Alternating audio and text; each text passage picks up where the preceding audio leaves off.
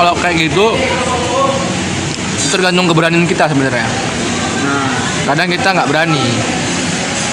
Nggak berani untuk berusaha menyelipkan pembahasan-pembahasan tentang nilai-nilai kehidupan gitu. Jadi kalau kita memberikan nilai kehidupan itu nggak nggak harus menyuarakan hadis, menyuarakan ayat Al-Quran, tapi kita perlu seni dalam Oke, kali ini kami lagi eh, di sebuah restoran tempat makan. ya banget warung.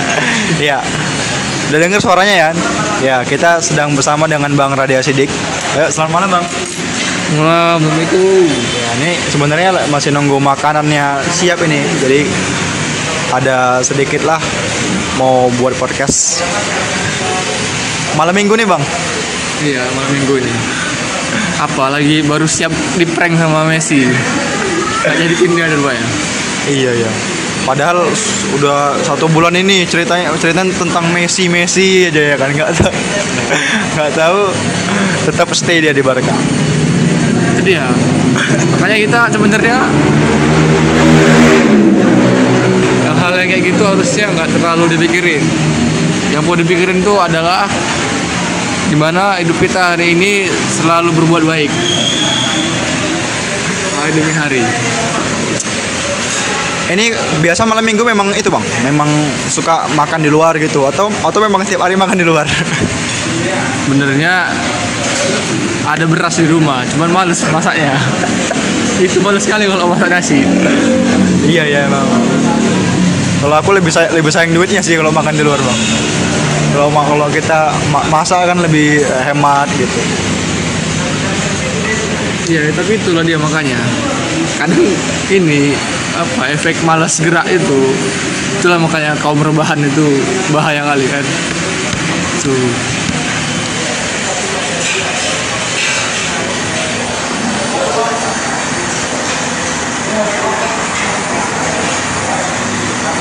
Oh iya nih, mum- mumpung ada Bang Sidik nih. Sebenarnya udah udah lama sih aku apa Bang, pengen nanya ini.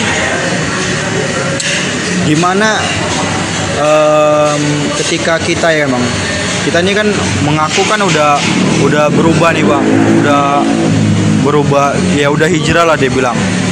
Terus terkadang kalau kita sama teman-teman itu ngumpul gitu ya kan, pembah kayak, kayak gini lah bang. Misalnya kita lagi ngumpulnya ada lima orang lagi di rumah makan ngumpul terus pembicaraannya itu kadang-kadang aneh-aneh gitu deh bang. Misalnya bicarain bicarain cewek lah nanti ada ada cewek lewat di omong-omongin gitu ada apa di gibah gibah tukang tukang gibah gitu. Nah gimana cara kita mengalihkan itu bang? Agar ya pembicaraannya itu nggak ke situ lah kan? Kita tahu itu kan dosa gitu bang Sebenarnya memang kalau kita ya yang udah hijrah itu kan sebenarnya kan punya punya kewajiban untuk bisa ngajak orang-orang terdekat kita. Jadi ya nggak bisa kita nggak bisa kita apa namanya nggak bisa kita biarkan ataupun nggak bisa kita paksakan orang-orang yang berada di sekitar kita itu harus benar-benar sama seperti kita dengan cepat gitu. Ya kalau saya pribadi sih kalau awak aja lah ya. kalau awak pribadi ya banyak sih dulu kawan-kawan satu kelas dulu waktu kuliah. Ya ceritanya udah cerita cewek gitu kan.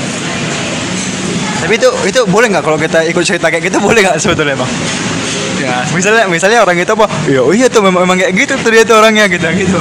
Kita kita malah ikut apa gitu ngelanggetin gitu kalau kita sebenarnya sih kalau laki-laki nggak terlalu apa sih nggak terlalu ngegibahin sebenarnya. Jadi godain gitu? Godain sih. Kalau laki-laki itu kadang nggak terlalu suka nggak terlalu suka gibahin perempuan. Tapi kadang ya kadang cerita ceritanya agak agak jorok aja sih. Nah itu dia bang. Itu dia cerita cerita cerita, cerita jorok itu. Kalau misalnya udah ngumpul gitu kan kadang ya awalnya ini nggak nggak bahas itu tapi bisa bisa lari ke mana-mana gitu. itu makanya kalau kayak gitu kalau kayak gitu kejadiannya sekarang kita kita antisipasinya itu benar-benar dengan cara ya dengan satu cara aku juga nggak tahu apa sih caranya minum dulu kita minum. Oke oke ini udah udah udah datang ya. Udah siap. Kami lagi minum TST sebetulnya. Ini mau upload podcast kayak gini mau ke podcast. Gimana? Tapi mau dengarkan malah Ada aja bang. Pendengar pendengar pendengar setia. berapa yang nonton ya? Mana nanya ya, kita kan kita kan kan targetnya bukan itu bang. Targetnya kan dak dakwah itu kan ya ini bukan dakwah sih cuma kan filosofi, kalau dia ditarik ke filosofi dakwah itu kan bukan banyaknya pengikut. Tolak ukur kebenaran itu kan bukan banyaknya pengikut. Tapi apa? Tapi apa bang? Oh iya, iya. kayak kalau kayak Nabi Nuh ya kan? Nabi Nuh aja dakwahnya bolak balik apa bertahun-tahun teman sedikit kaumnya ya kan? Iya. Kalau aku kalau aku sih ngisi waktu aja sih bang. Buat buat kayak gini tuh nggak ya nggak kalau dibilang orang untuk cari duit ya nggak mungkin lah. Kayak gitu. Ah, kalau kalau banyak bisa juga endorse ya kan? Bisa aja. Gitu mesti jauh lah ke situ bang. Oke ini bang bang Sidik lagi makan ya.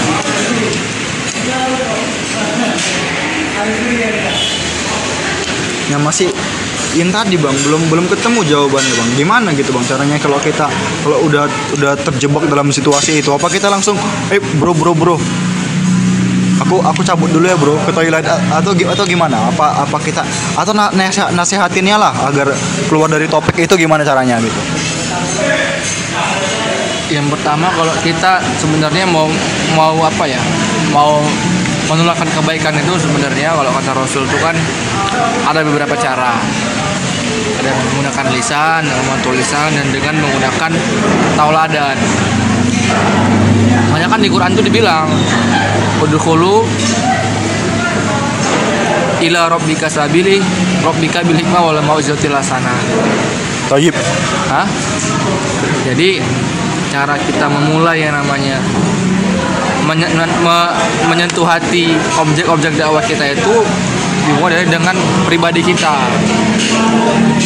Jadi kalaupun kita hari ini cenderung menjauhi cenderung eksklusif, terkadang mereka malah merasa kita di menjauhi kita juga gitu.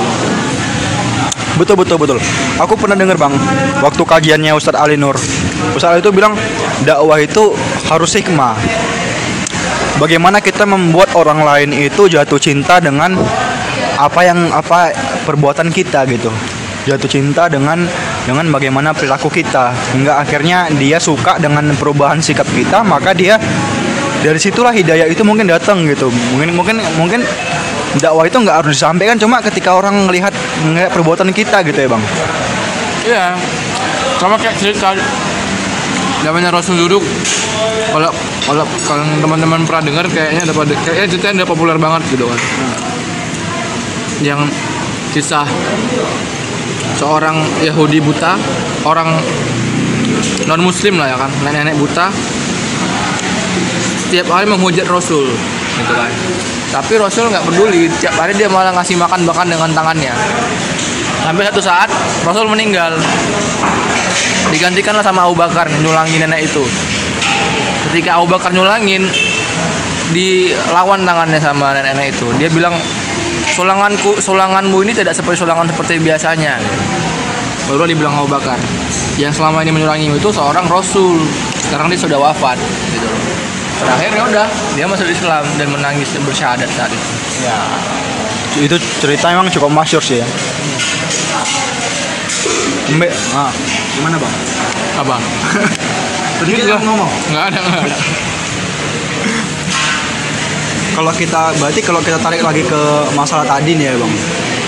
Misalnya nih em, kita lagi kumpul sama teman-teman gitu ya kan. Lalu tiba-tiba obrolan obrolan orang itu kepada hal-hal yang ya melanggar syariat lah ob- obrolannya.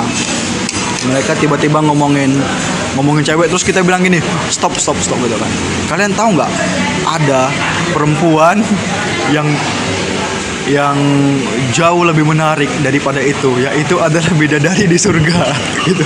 Nah jadi awalnya ngomongin ngomongin cewek-cewek itu tapi terakhir ngomong ngomongin bidadari di surga gitu. Lalu akhirnya gimana cara dapetin bidadari itu gitu. Sebenarnya bisa aja. Jadi artinya penga- pengalihan isu gitu ya bang. Tapi tetap tetap kawal 82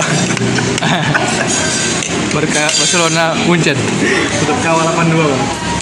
Kalau sebenarnya kalau kayak gitu tergantung keberanian kita sebenarnya. Nah. Kadang kita nggak berani.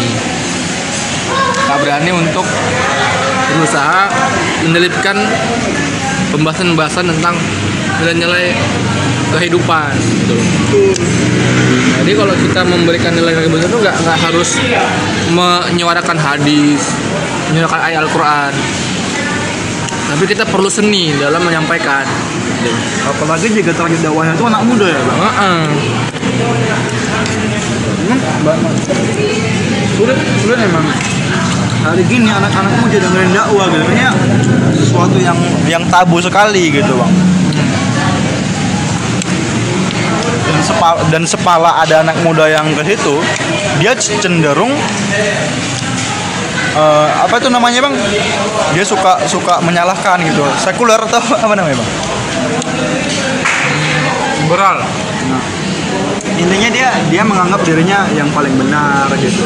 Ini dia orangnya langsung tidak tidak bisa open minded gitu. Nah, akhirnya orang-orang di sekitar dia merasa perubahan dia itu negatif akhirnya. Padahal ketika dia harusnya lebih dekat kepada agama kan harusnya lebih banyak lebih banyak membuat pengaruh positif kan gitu ya. Katanya kita harus terlihat terlihat good looking. ah ini pembahasan udah berat kalau nanti bahas politik. Kan kita harus terlihat good looking kata kayak Pak jangan kayak Pak Menteri Agama ya kan? Masa dibilang good look gak lagi-lagi bilang good looking dibilang ini radikal Bukan kacau ya. Bang stop bang podcast kita ini ringan-ringan aja. Itu kan lagi update ya kan. Jadi kata good looking sekarang lagi tagline jadi, jadi lagi viral. Itu pengalian isu bang. Yang iya, itu pengalian isu yang ini tetap tetap kawal 82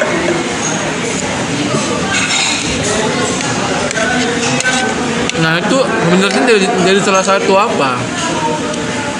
Jadi salah satu faktor orang pembia dengan Islam. Karena orang melihat Islam itu hanya dari pakaian, tapi dengan tidak dari teladan. Gitu. nah berarti kan itu, tugas-tugas kita nih bang Nah, yang yang ya kita tahu cara cara cara seperti itu nggak nggak bakal nyampe kepada mereka gitu kan terus gimana cara kita menyampaikan edukasi yang benar tentang bagaimana bagaimana dakwah yang yang yang baik itu gitu nah, makanya sebenarnya dakwah itu berdasarkan passion kita sebenarnya. Jadi kita bisa berdakwah di semua lini masyarakat. Eh, abang pernah, pernah dengar cerita di Jawa sana ada satu aktivis dakwah di sana. Objek dakwahnya itu anak-anak pang, anak-anak pang rock yang jalan-jalanan. Caranya gimana? Ya dia membaur, tapi ada batasan gitu. Ada mereka buat ke- kegiatan bakti sosial. Jadi hal-hal yang hal-hal yang sifatnya humanis banyak nilai-nilai moral gitu loh yang perlu disama-sama sentuh pertama gitu loh. Jadi tidak harus tidak harus mungkin kita mulai dengan sholat, mulai apa ya walaupun itu memang jadi ini ya.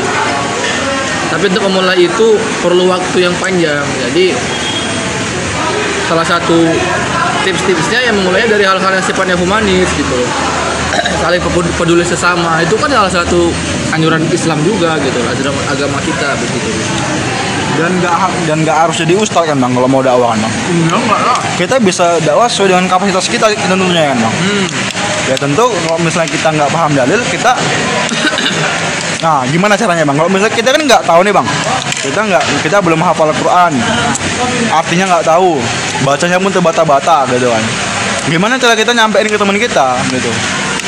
Nah, kita harus bisa mengkualifikasikan di mana kita berada. Kita ini punya kualifikasi. Ya. Yang pertama tuh ada ulama. Yang kedua tuh ada mubalik. Ya. Yang ketiga tuh ada dai. Ulama itu memberi fatwa. Betul.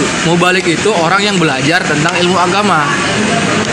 Kita levelnya di level dai, menyerukan sesuatu yang menurut yang menurut Islam benar dan menurut Islam salah. Itulah maka dalam surah, surah Al Imran dikatakan kuntum khairu ummat ukhrijat linas ta'muruna bil ma'ruf wa tanhauna 'anil munkar.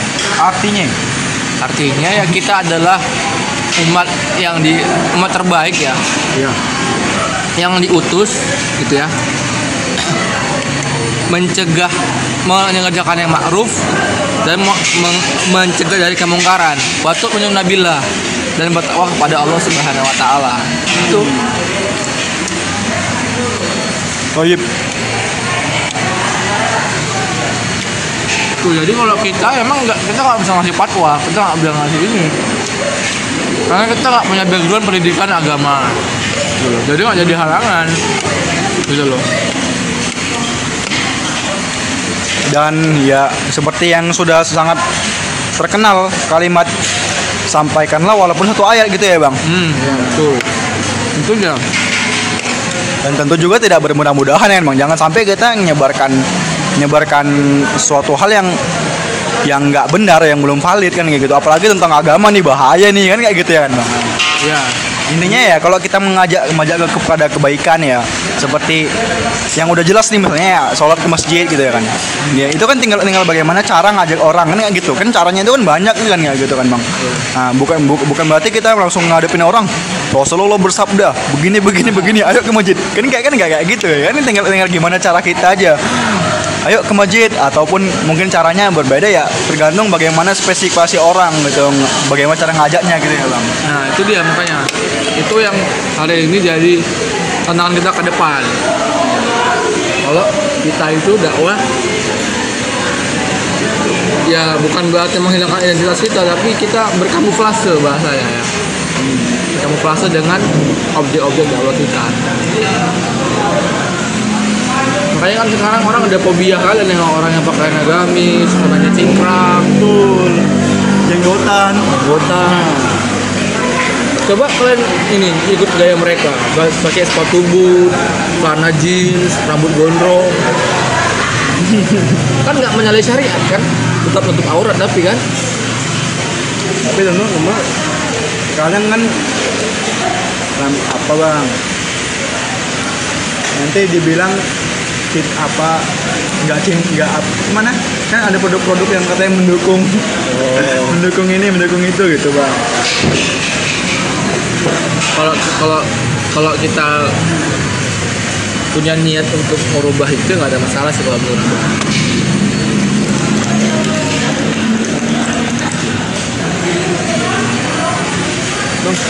kenal aku bang? Kenyang kenyang kok